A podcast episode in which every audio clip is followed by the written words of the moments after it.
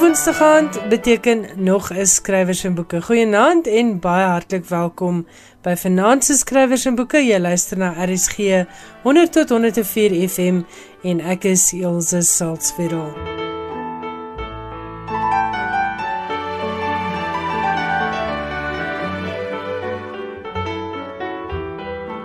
In Finansie hoofonderhoud hier in Skrywers en Boeke gaan ek gesels met François Smit bekroonde skrywer van Die Getuienis wat onlangs verskyn het. François is natuurlik ook die skrywer van Kampoer en Die kleinste ramp denkbaar. Madeleine Rust beantwoord 5 vrae oor haar jongste spanningsroman 25 trappe na benede.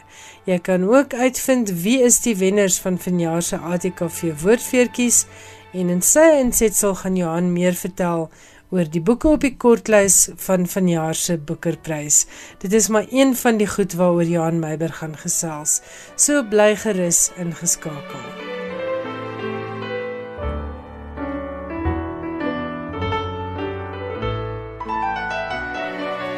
Die wenners van vanjaar se ATKV woordfeertjies is verlede week bekend gemaak en dit is vir my nou baie lekker om die volgende skrywers geluk te wens met hulle toekenninge. In die kategorie vir beste liefdesroman was die wenner Sofia Kap met Kanan uitgegee deur Lapa Uitgewers. Die ATKV woordfeertjie vir die beste roman sou gaan aan Elise Davies met Liefste Rooikop uitgegee deur Romanza. Die wenner van vanjaar se woordfeertjie vir die beste spanningsroman is Chris Karsten met sy roman Die versoeking van Thomas Maas uitgegee deur Iman en Resou. En in die kategorie vir nuwe fiksie word die boek Sulke vriende is skaars, die briewe van Arnold van Wyk en Anton Hartmann deur Stefanus Miller en Stefanie Vos bekroon met die ATKV woordfeetjie. Hierdie boek word uitgegee deur Protea. Die ATKV woordfeetjie vir poesie gaan aan Johan de Lange met Die meeste sterre is lankal dood en dit is uitgegee deur Iman en Resou. Die ATKV woordfeertjie vir die beste dramateks is vanjaar gewen deur Pieter Odendaal met sy drama Droomwerk.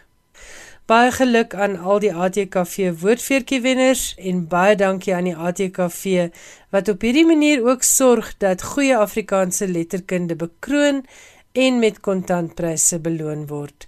Dan 'n bietjie nuus oor die ATKV se toekenning vir leesbevordering wat ook verlede week bekend gemaak is saam met die ATKV woordfeertjies. En hierdie jaar gaan dit aan die Otto Stichting in Kaapstad.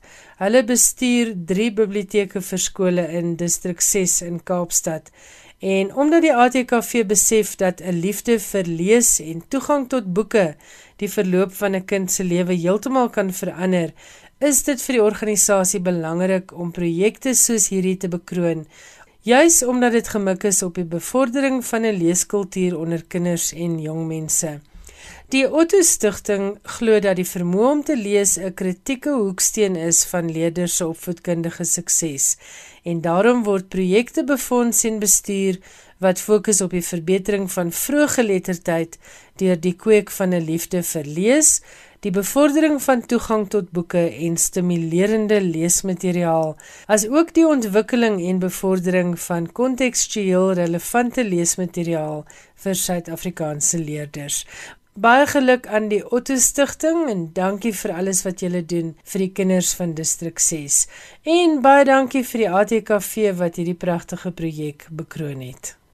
Skrywers en boeke. Alles wat jy oor die boekewêreld wil weet en meer. Nou is dit tyd vir die hoofonderhoud en soos ek gesê het vanaand gesels ek met François Smit, bekroonde skrywer van die romans Kampoer, Die kleinste ramp denkbaar en Die getuienis. Die getuienis het vanjaar die tweede plek behaal in NB Uitgewers se groot Afrikaanse romanwedstryd. En as jy 'n aspirant skrywer is, luister met jou ore gespits want François is ook 'n dosent in kreatiewe skryfkuns aan die Universiteit van die Vrystaat en hy gee ook sommer 'n klomp lekker skryfraad. François, baie welkom by Skrywers en Boeke. Dit is vir my 'n voorreg om op Skrywers en Boeke te wees. Dit is lekker met jou te gesels. Ek wil met jou gesels vanaand oor Die Getuienis. Dit is jou jongste roman wat uh, onlangs bekroon is met die tweede prys in NB Uitgewers se Groot Afrikaanse Roman Wedstryd. Maar ek wil ook sommer so 'n bietjie terugkyk. So kom ons begin by die begin. Jy het in een van jou onderhoude jou ma 'n uh, beskawende force majeure genoem wat verantwoordelik was vir jou taalaanvoeling. Jy vertel in die onderhoud dat sy saans vir julle uit die IFK gesing het. Vertel vir my van al die invloede wat van jou 'n uh, woordmens en 'n literêre mens gemaak het. Ja, albei my ouers het eintlik 'n rol gespeel. Daardie invloed van my ma was dink ek deurslaggewend. Veral ons kinders want ek het ook nog 'n broer wat wat is wat 'n skrywer is. Ehm um, dink ek het dit ons aanvoeling vir poesie, vir die woord, vir vir klank, vir ritme het dit vasgelê om elke aand klips van televisie te kyk met die EFK by toegeneem te word. Maar die Die ander belangrike ding is ook is dat ek in 'n huis um, vol boeke groot geword het. En ek onthou byvoorbeeld dat my pa in 'n stadium toe ek vroeë laerskool was, het hy die boekery oorgekoop uit die boedel van van 'n oom. Ek dink dit was nog oom Chris Pelser. En hoe dit my lewe verruim het. Ewe skielik was daar ehm um, stapels en stapels en boekrakke, nuwe boekrakke vol boeke en die meeste daarvan as ek reg onthou was ou Afrikaanse romans Haas van Blerk byvoorbeeld wat nou nog in die huis waar ek groot geword het op die rak staan dan dink ek daaraan terug hoe hoe het ek sonder ophou gelees? Of dit oudtyds of nie was het my geensins geplan nie en ek het ek het dit verslind. En dit daardie boeke huisvolboeke die FHK dit het alles meegespeel om die uh, in my hart, in my kop, in elke vesel van my vas te lê en wat wat beslis 'n rol gespeel het in die feit dat ek uiteindelik begin dink het dat ek ehm um, die een of ander tyd moet ek dit ook probeer. Jy het nou gesê dat jy gedink het jy wil op 'n stadium tog maar ook 'n skrywer word, maar jou pad het nie direk uh skryf toe geloop nie. Jy was onderwyser, later joernalis, uitgewers, redakteur. Nou is jy 'n dosent in kreatiewe skryfkuns aan die Universiteit van die Vrystaat en jy het eintlik eers op 'n relatief laat ouderdom jou eerste roman geskryf. So, hoe het jou pad geloop? Vertel vir ons so 'n bietjie van alles wat jy al gedoen het voordat jy uiteindelik Kampoer gepubliseer het. Ja, ek het 'n groot ompad geloop. Dit is dit is waar en en die een wat jy wat jy uitlos daar is dat ek dat ek 'n ingenieur was ook. Ek was 'n siviele ingenieur en wat in wat in 'n stadium vir die WNR gewerk het om my beurs terug te werk want ek het 'n beurs gekry en dit is hoe die ompad begin het. Ek was veelsidig op skool. Ek ek het goed gevaar met tale maar ook met wiskunde en wetenskap, maar ek het 'n ontsettend invloedryke skynat onderwyseres gehad, mevrou Krause, en sy het 'n groter invloed op my verbeelding gehad en en sy was 'n skynat onderwyser. Ek dink ek het maar net begin glo dat ek in die wieg gelê is om om in die wetenskappe te studeer en, en ek moes 'n beurs kry. Ek kon nie op eie koste ehm um, gaan studeer nie en omdat uh, beurse vir ingenieurs en wetenskaplikes baie meer redelik beskikbaar was, het ek 'n beurs vir die WNR gekry om, om ingenieurswese te gaan studeer en dit op Stellenbosch gedoen, maar baie vinnig geweet dit is nie wat ek moet doen nie. Die ongeluk is dat ek 'n beurs gehad het en as ek sou moes opskop, sou ek my beurs terugbetaal en dan nou weer geld kry om om iets anders te studeer het ek maar vasgebyt en deurgedruk en 'n siviele ingenieur geword. Maar direk na universiteit toe moes ek weermag toe gaan en in die weermag het ek al deur die NISA begin om 'n BA te doen. Want ek het net geweet ek sal nie in een stuk dit oorleef as ek die res van my lewe 'n uh, wetenskaplike moet wees nie. En die, die liefde vir tale vir die letterkunde was net so sterk dat ek begin het en by die WNR ek intensiewe navorsing gedoen en dit het dink ek ook 'n rol speel 'n rol daarin dat ek skrywer geword het want die navorsing wat ek gedoen het was op die verbeterde geventileerde pitlatrine. So ek het So ek, neem dit jou tot by skryf. Miskien het dit my in 'n heel absurde wêreld uh, gedompel en dit het mens moes daarin oorleef met 'n mate van ironie en 'n bietjie van 'n humorsin. Uiteindelik het ek dan ook 'n kans gekry om verder te studeer nagraads by aan die Universiteit van Kaapstad en dit het ek deeltyds gedoen En omdat ek toe reeds 'n broer in die journalistiek was, het hy gesê toe ek begin uitkyk vir wat se werk ek kan doen, het hy gesê nou hoekom doen jy nie ook maar journalistiek nie? Toe ek 'n uh, ruk by die burger gewerk. Jy was kunsjoernalis gewees. Ja. En toe het jy uitgewersredakteur geword. Ja. En ja. daarna het jy eers jou eie roman geskryf. So, ja. hoe het daai stuk van jou pad ge, geloop nadat jy toe nou bietjie meer met met die wonderlikheid van die woord te mekaar geraak het? Ek het nagraads gestudeer en by die koerant gewerk en uiteindelik by NB Uitgewers het ek so vir 'n ruk lank was 'n kontrakwerker, maar omdat ek 'n PhD wou klaarmaak het, het moes ek dit ook deeltyds doen. Toe het ek nadat my my studies afgehandel was, 10 jaar lank het ek as 'n vryskut uitgewersredakteur gewerk. Dit wil sê uitgewery het my eintlik gehuur om ander mense te help om hulle boeke te skryf of om die teksversorging te doen, maar in baie gevalle het ek ook wat bekend staan as manuskrip ontwikkeling gedoen. Het ek eintlik ja. mense gehelp en dikwels ook beskrywers se boeke vir hulle geskryf.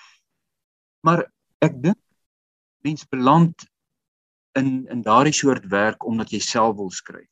Die mm. ongeluk daarvan is dit eet net soveel van jou tyd op en jou energie gaan in ander mense se werk in dat jy nooit uitkom by wat jy eintlik moet doen. Ehm um, en dit is om self te skryf. Jy het net nie die tyd nie. Al jou kreatiewe energie moet daarin ingaan en toe het ek ook gesin gehad vir wie ek moes uh, sorg en dan het jy eintlik nie die luukse om nie elke maand um, geld in te bring nie. En die ding met jou met jou man skryf is dat indien jy enigsins geld maak daaruit, is dit 'n wiel wat besonder stadig draai. As jy so gelukkig is om dit gepubliseer te kry, ehm um, kry jy ehm um, net twee maal 'n jaar tantieme.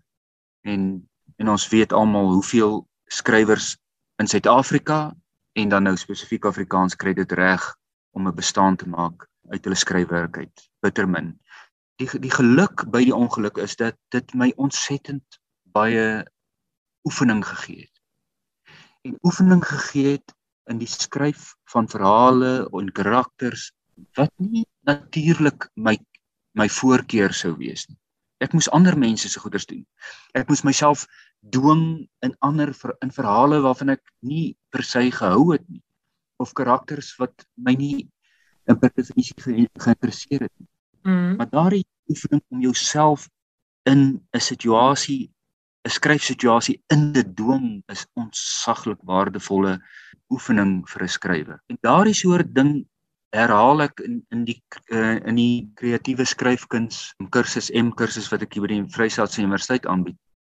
Vir die, vir die eerste ruk laat ek mense 'n verhaal skryf volgens my voorskrifte en ek laat hulle dinge doen en probeer wat hulle glad nie sou self oorweeg en hulle mor en hulle skop tee daarteen maar dit is wat ek self in my lewe agterkom met wat die waarde is en dat jy eintlik sekere tegnieke skryftegnieke en se in sekere kunsgrepe leer ken omdat jy daaraan gedwing word en dat skryf eh, het vir my dan geword ook by uitstek 'n ding waarin jy jouself in iemand anders se skoene moet indwing en dit is vir my 'n waardevolle oefening en dit het my in staat gestel om uiteindelik my eie werk te kan skryf. Rihanna Barnard wat destyds by Tafelberg die uitgewer was, het vir my die opdrag gegee om kampoer te skryf en sy het gesorg dat ek vir 3 maande lank genoeg geld het om te oorleef. Dit was ook baie baie goeie oefening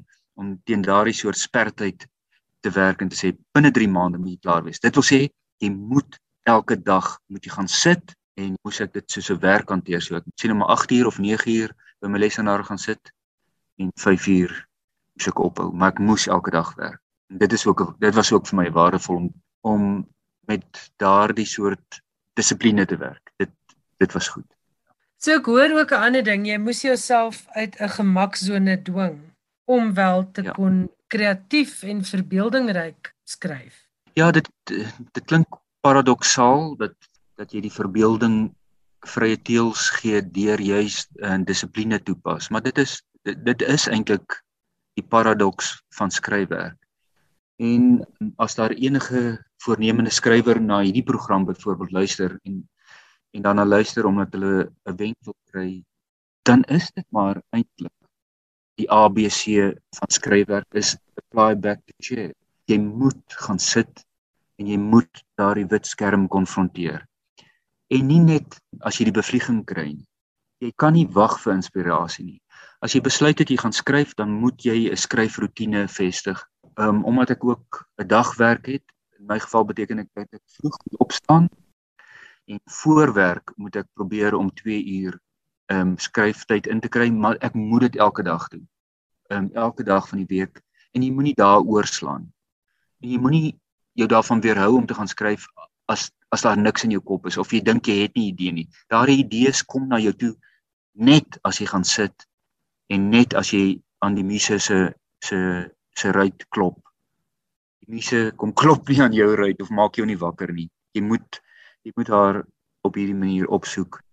En as jy nog 'n paar wenke het, dalk aangesien jy 'n uh, dosent ja. is en seker hierdie vraag al honderde kere vir jou studente moes beantwoord.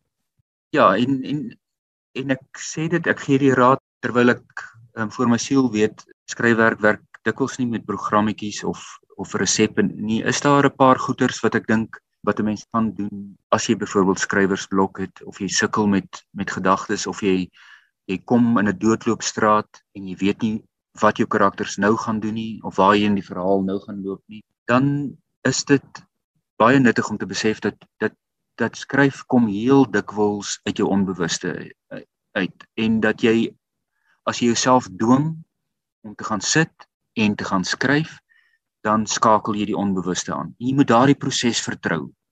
Jy moet jou nie oorgee aan die paniek dat as jy op jou bed lê op jou rug of as jy gaan sit en dink niks kom by jou op dat dit beteken jy het skrywersblok nie. Skrywersblok oorkom jy deur jou onbewuste te aktiveer. En dit gebeur dikwels dat as jy dit reg kry om jou onbewuste oop te maak, te ontsluit dat daar dinge by jou opkom of dat jy goeders kan skryf wat jy nie geweet het jy weet nie. En daardie proses moet jy moet jy onthou. En partykeer help dit as jy voel jy's in 'n doodloopstraat, dan is een van die oefeninge wat jy kan doen om die onbewuste ontsluit is om net vir 'n minuut of 5 outomatiese skryfwerk te doen. Dit wil sê jy stel jou stophorlosie en jy gaan sit met jou vingers bo, bo die skryfbord of jy kan dit ehm uh, met 'n potlood of 'n pen uh, op papier in jou handskrif ook doen. En as die stophorlosie aktiveer, dan begin jy net te skryf. Jy skryf enigiets wat in jou kop opkom. Jy skryf, skryf net die groot ding vir 5 minute lank moet jy sonder om eenmaal te stop of te huiwer, moet jy net skryf en jou nie steur aan leestekens of logika alles moet net uit dit moet net kom. En dan maak jy dit toe na 5 minute dan sit jy dit weg en na so rukkie gaan kyk jy weer daarneer en en lees daardeur en heel dikwels staan daar net 'n klomp gemors.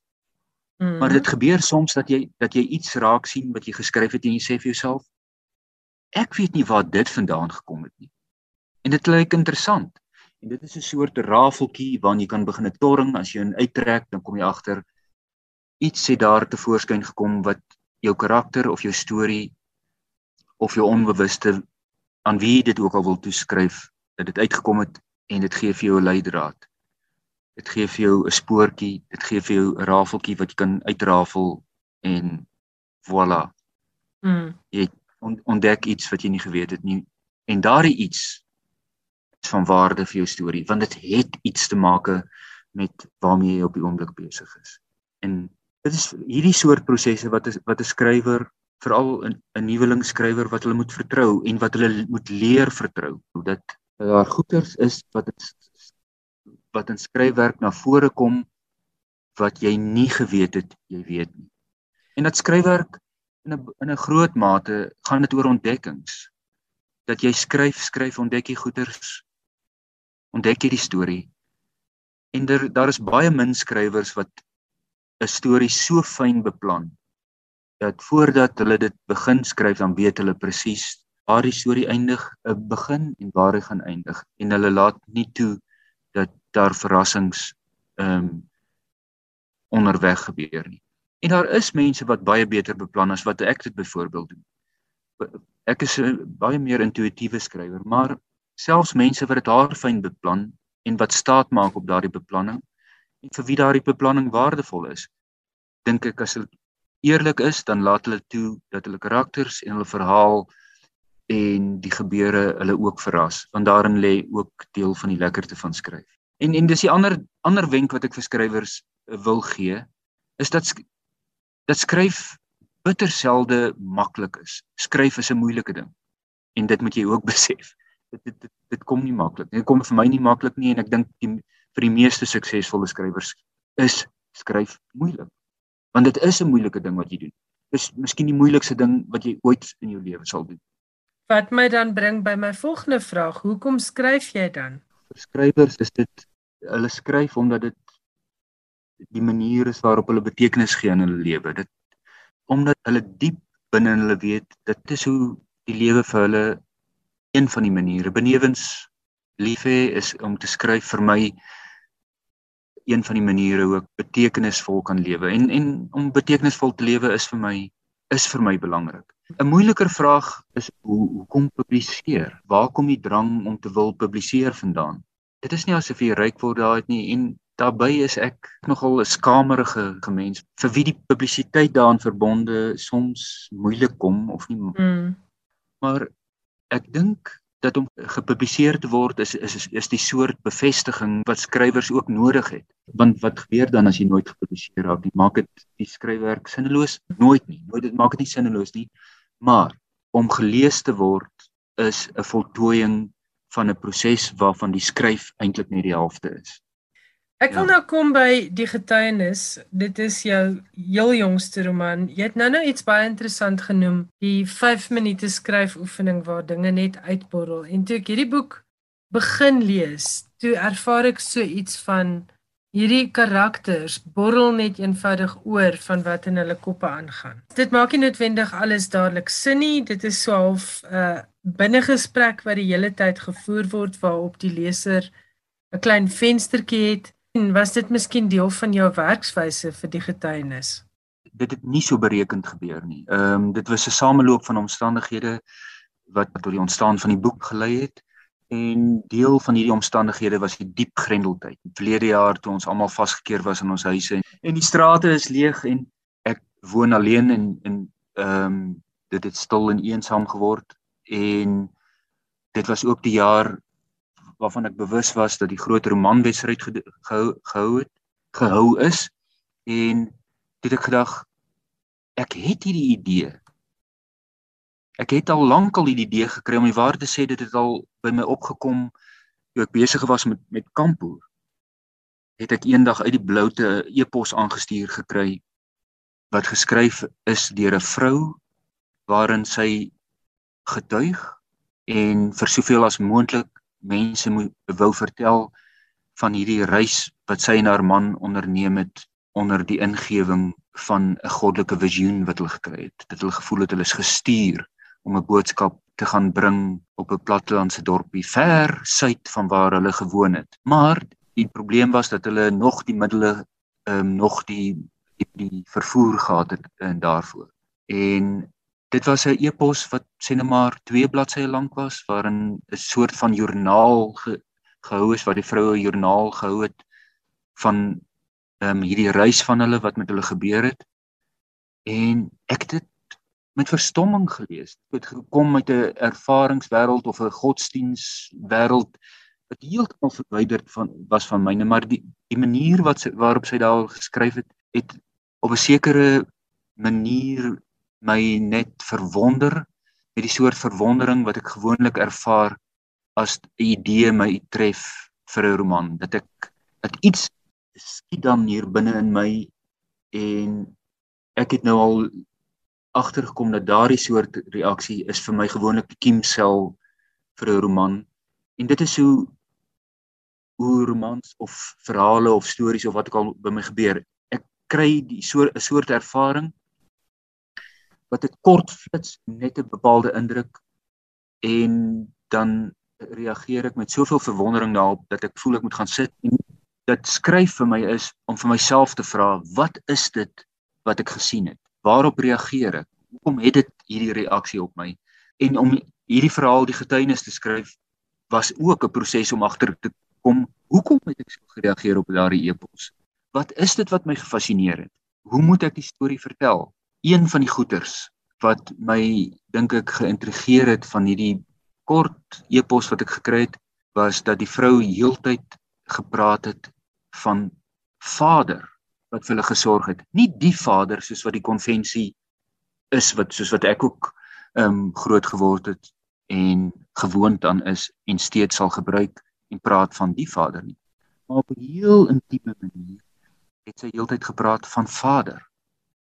Vader het vir ons keer op keer die bevestiging gegee dat ons moet gaan dat hy sal sorg en ons het keer op keer het ons die bevestiging gekry in die vorm van 'n koevert met geld wat in hulle hande gedruk is maar ook mense wat vir hulle 'n motor gegee het om te ry en uiteindelik het hulle van dorp tot dorp van plek tot plek gery deur die land en hulle boodskap gelewer en teruggekom en al wat sy wou getuig is van hoe groot en wonderlik, hoe awesome en dit is haar taal en hoe huge dit alles was dat Vader se genade onbeskryflik groot was.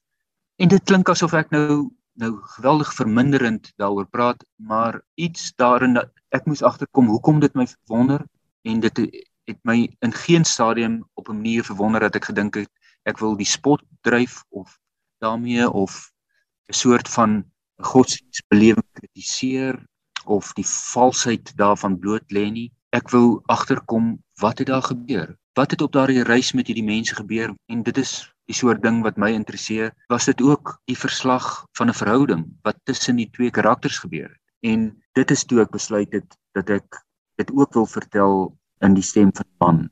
Dat die man en die vrou albei moet praat oor wat met hulle gebeur het en dat ek op hierdie manier deur hulle albei in staat te stel om te praat, miskien kan agterkom wat het gebeur in hierdie reis tussen die twee karakters dat dit ook 'n getuienis dan word van 'n verhouding en 'n kritieke moment in hierdie verhouding. En dit het ek dit het ek ook maar skrywenderwys ontdek. Ek, ek ek het dit nie voor die tyd geweet nie. As daar iets is was daar klomp onverklaarbarehede dinge wat nie gesê is nie in die oorspronklike epos wat wat nou die die stimulus was vir hierdie boek was daar net goeters wat vir my geen sin gemaak het of ek nie verstaan dit nie. Dit gaan oor mense in die sogenaamde bevrydingsbediening. Maar ek wil vir luisteraars sê dit is nie 'n gespot met godsdiens nie. Dit is eintlik 'n verrassende insig in iets waarvan ons dalk nie genoeg weet nie. Het jy ook gevoel jy word verras deur jou karakters? Ja, baie daarvan het ek nie geweet nie. Ek het byvoorbeeld nie geweet waar die roman eindig nie. En ek ek kom agter dat daar is lesers vir wie die roman nie einde het nie, maar ek dink tog dit eindig op 'n baie spesifieke manier en 'n minder pessimistiese manier as wat die meeste mense vermoed.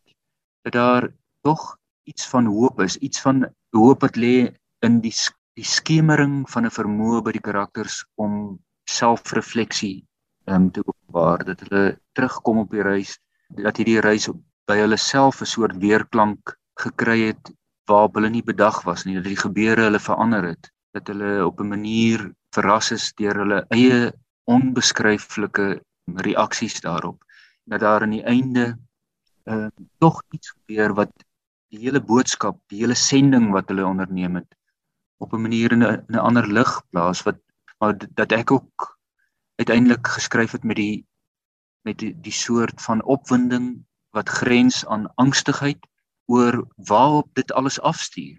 Wat is dit wat hier besig is om te gebeur?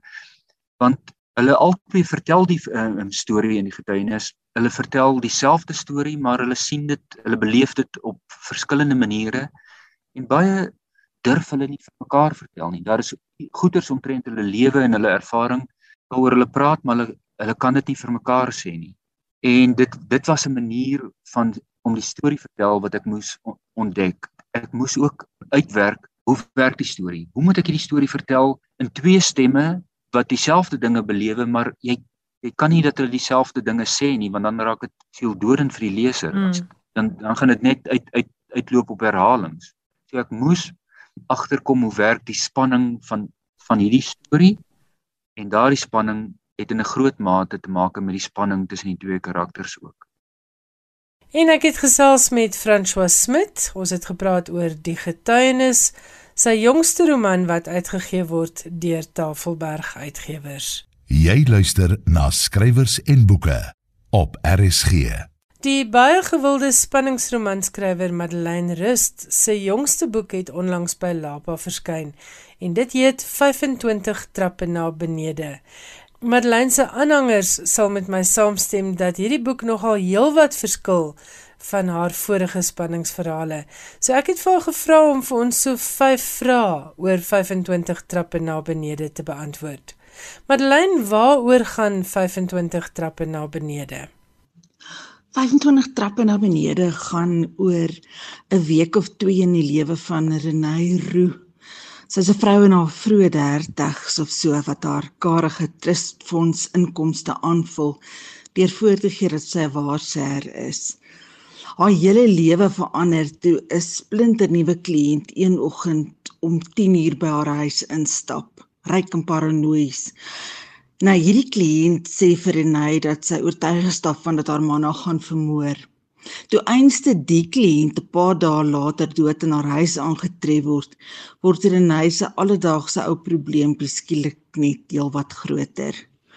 Die nagmerries oor haar boetie se dood word erger en soos vir die tyd aangaan, begin sy wonder of sy regtig vir sy dood verantwoordelik is. Haar buurvrou, Cathy, drink toe nou nogal daarop aan dat hulle die moord op Renée se kliënt ondersoek en so begin die poppe dans in die lyke val.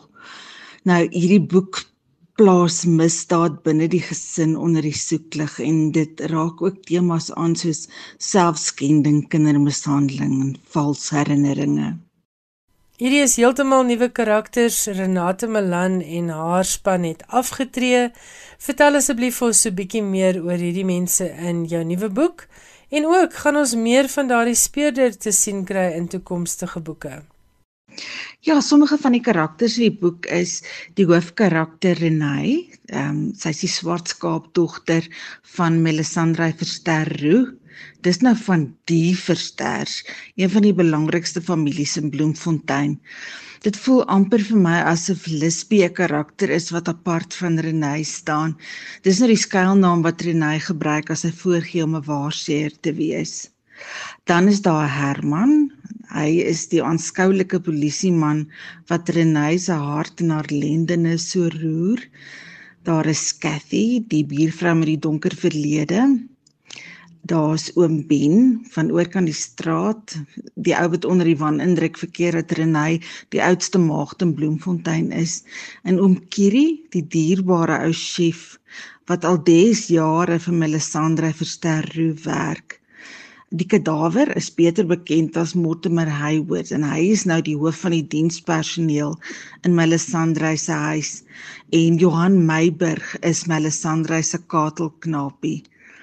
'n karakter wat baie in die boek voorkom, maar wat nooit regtig gespreekbeurt kry nie, is Renée se 3-jarige broertjie Neil, die een wie se dood sy as kind veroorsaak het. Ek dink nie Herman sal sommer weer verskyn nie tensy die leser spesifiek daarvoor vra. Dit is maar hoe dit met die Malan en Kutse reeks ook gegaan het ek het geskryf en geskryf terwyl ek boodskappe gekry het dat die lesers meer en meer wil sien van die Malanakotse ouens. Wat was die prikkel vir hierdie storie? Die prikkel vir hierdie storie was 'n Britse hofsaak wat ek op YouTube raak gekyk het. Dit het gehandel oor jong ouers wat hulle kleuters vreeslik mishandel het. Daarna het ek in alle erns begin navorsing doen hieroor en die storielyne daaruit gesprei. Jy is nou 'n ervare en gewilde skrywer, maar ek neem aan daar's maar met elke boek 'n klompie uitdagings. Wil jy vir ons 'n bietjie vertel van die uitdagings met hierdie boek? Die beenkanker wat verlede jaar by my gediagnoseer is, was nogal 'n groot struikelblok. En so ook die heupvervangingsoperasie wat ek as gevolg daarvan moes ondergaan en die COVID-19 wat ek toe sowaar in die hospitaal opgedoen het ook. Ek was ongelooflik dankbaar toe ek die send knoppie kon druk op die dag toe ek die manuskrip uiteindelik kon wegstuur. Daardie stem behoort aan Madeleine Rust. Sy het met my gesels oor haar jongste spanningsroman 25 trappe na benede. Dit word uitgegee deur Lapa. Nou het die tyd aangebreek om te luister wat gebeur alles in die internasionale boekewêreld en hier is Johan Meiburg. Johan, baie welkom. Ons luister graag na jou. Oor die kortlys van die Boekerprys wat verlede week aangekondig is, het Suid-Afrikaners gejubel oor Damon Galgut, wat een van die 6 aanspraakmakers op die prys is. Anouk Agupragasan het Sri Lanka trots gemaak Die Amerikaners was verheug oor drie op die kortlys: Patricia Lockwood, Richard Powers en Maggie Shipstead. En die Britte het gemor oor daar net een Engelse skrywer, Nadifa Mohammed, ingesluit is. En baie wou weet wat dan van Kazuo Ishiguro, Francis Spufford en Rachel Cusk geword het. Sedert die boeker in 2014 oopgestel is sodat die ganse wêreld wat in Engels skryf kan deelneem, was daar nog elke jaar 'n aftel hoeveel hiervan en hoeveel daarvan. 'n Woord op sy tyd het skrywer en beoordelaar Shikozi Obiyama na die aankondiging van die kortlys gerep. Ons het nie net gekyk wat die skrywers te sê het nie, maar ook oor hoe hulle dit sê en daarom maak nasionaliteit nie eintlik saak nie. Wat saak maak is wat die skrywer op papier sit die visie wat hy of sy in gedagte het en hoe hy of sy uitvoering daaraan gee. As ons dan nie meer Britse skrywers in die kortlys het nie, dink ek dit is pure toeval, het Obiyama gesê. Die ses boeke op die Booker kortlys is The Promise, Damon Galgut se verhaal van 'n verwese gesin in 'n bedremmelde land. A Passage North, Anouk Arupragasam se roman waarin hy probeer sin maak van die lewe kort na die 30-jarige burgeroorlog in Sri Lanka. No one is talking about this, Patricia Lockwood se meditasie op liefde taal en die verwantskap van mense. The Fortune Man, Nadifa Muhammad se roman oor die laaste man wat in Cardiff gehang is in 1952 nadat hy foutiewelik skuldig bevind is aan moord. Bewilderment Richard Powers se verhaal van 'n astrobioloog wat 'n vindingryke manier vind om sy seun, 'n eie soortige entjie mens, te hulp te kom en Great Circle waarin Maggie Shipstead die verhaal vertel van 'n vroue lugvaarder en die aktrise wat haar rol jare later in 'n rolprent moet vertolk. Dis nog te vroeg om te probeer pyl wat beroepswedders in Brittanje sê wie die voorloper of dan die wenner behoort te wees. Maar 'n woordvoerder van Waterstones, die Britse kettingboekwinkel, het aangedui dat The Promise, Galgut se roman, die topverkoper is. Ons sal eers op 3 November weet wie die wenner is van vanjaar se Boekerprys. In die aanloop tot die noordelike winter is daar 'n hoop boeke wat tot en met Kersfees verskyn. Onder die boeke wat van dese maand verskyn is daar Sebastian Volks se Snow Country 'n roman geplaas in Wene in die jare tussen die Eerste en die Tweede Wêreldoorlog. In the Dark Remains, 'n boek wat William McIlvany ten tye van sy dood in 2015 ten dele as handgeskrewe manuskrip agtergelaat het en wat voltooi is deur Ian Rankin. Van Sally Rooney is daar haar derde roman, Beautiful World, Where Are You? Die verhaal van 'n suksesvolle jong skrywer wat genoeg gehad het van die literêre wêreld en van Colson Whitehead Harlem Shuffle 'n boek wat in die buurt in die 1960s afspeel teen die agtergrond van die burgerregte beweging in die FSA Chronicles from the Land of the Happiest People on Earth is Wally Soyinka se eerste roman in bykans 50 jaar en word beskryf as 'n donker komiese taksering van politieke korrupsie en uitbuiting in 'n weergawe van Nigerië. En dan is daar Karel Ove Knieskor se roman The Morning Star, vertaal deur Martin Aitken, die verhaal van 'n groep Noorweërs wat byeengebring word deur die verskyning van 'n nuwe ster.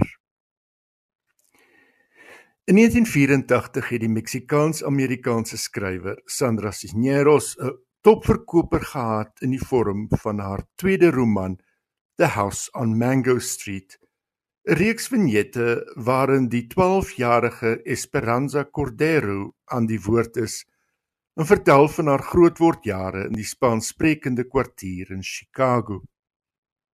Meer as 6 miljoen eksemplare van die boek, vertaal in meer as 20 tale, is verkoop en lof vir die boek was daar wyd.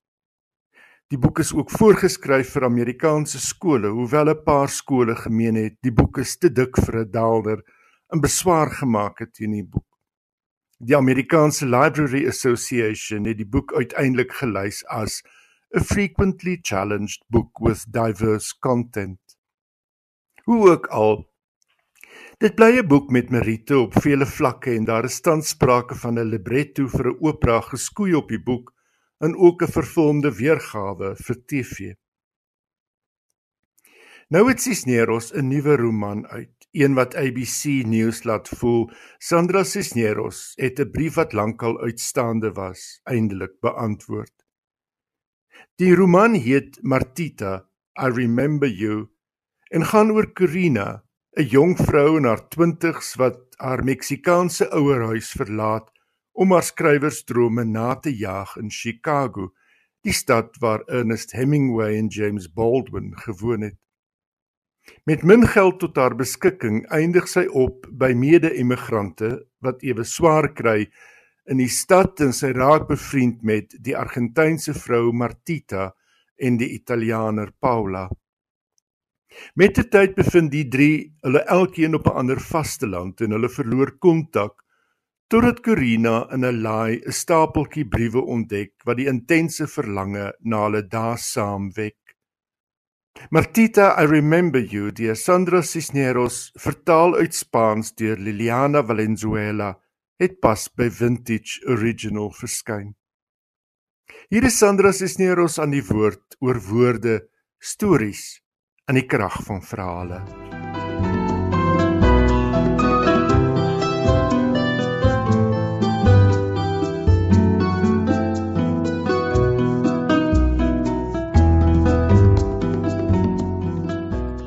began writing with words around the fifth or sixth grade, uh, fifth, sixth, seventh, middle school. But in a way, uh, I had always been writing with pictures because I drew. I was an artist, the way so many children are. And it wasn't until the middle school years that I started looking at poetry and short stories uh, as models, and that I could say definitively that's when I switched to language and words.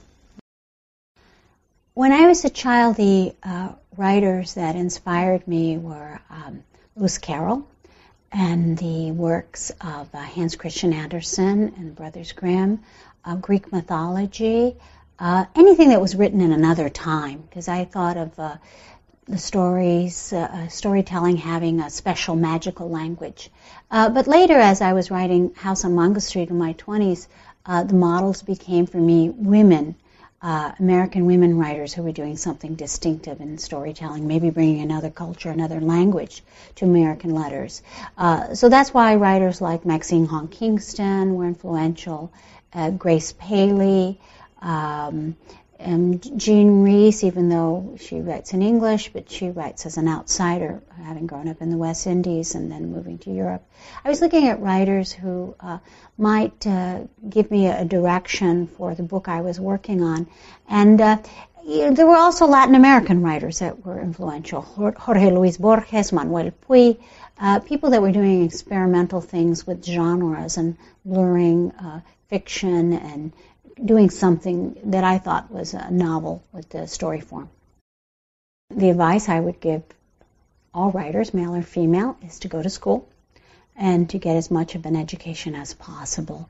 Uh, I think it's very difficult to become a writer without the education. It's hard to do anything without the education, but especially if you're going to write. So I tell them to study anything that will make them marketable. Uh, it's important to earn your own money if you're a woman writer, uh, because a lot of times if you're married or living in your father's house, uh, you generally have to follow the direction of whoever's paying your rent. So it's important to be economically independent. And to that end, uh, I think an education is important for that independence, for you to be able to uh, have a room of your own, a house of your own, an apartment of your own in which to create. A writing space is important so that you can go somewhere that's quiet, uh, that allows you to take those leaps of the imagination, someplace where you can cry and you could laugh and no one will interrupt you, and a, space that you feel safe to think things that you feel are unthinkable, to say things that you would never say out loud, uh, to take risk and to feel safe and give yourself permission to take those risks. You know, it's very important to to uh, not censor yourself, and I think women especially feel uh, self-censored. Uh, so for me, the space is about uh, liberty and uh, a freeing of the imagination to go some places that are maybe places I would not be brave enough to go in my everyday life. So it's about creating a sacred space uh, where the imagination can take flight.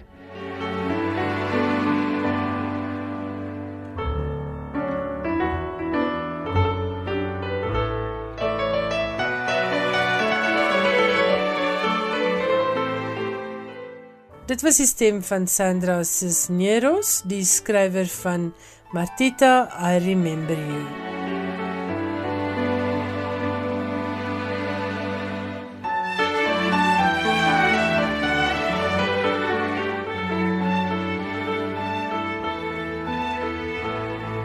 Daarmee het die tyd ons ongelukkig ingehaal, maar baie dankie dat jy saam met ons vir die radio gekuier het.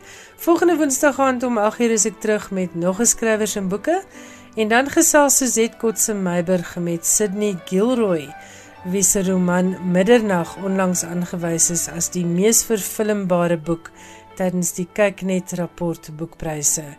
Tot dan, lekker lees, geniet die lang naweek en bly gerus ingeskakel op RSG. Ons is 24 uur van die dag hier om jou geselskap te hou, te vermaak en in te lig. Geniet die res van jou aand voor die radio en daarmee groet ek Elsje Salzveld tot volgende Woensdag aand. Totsiens.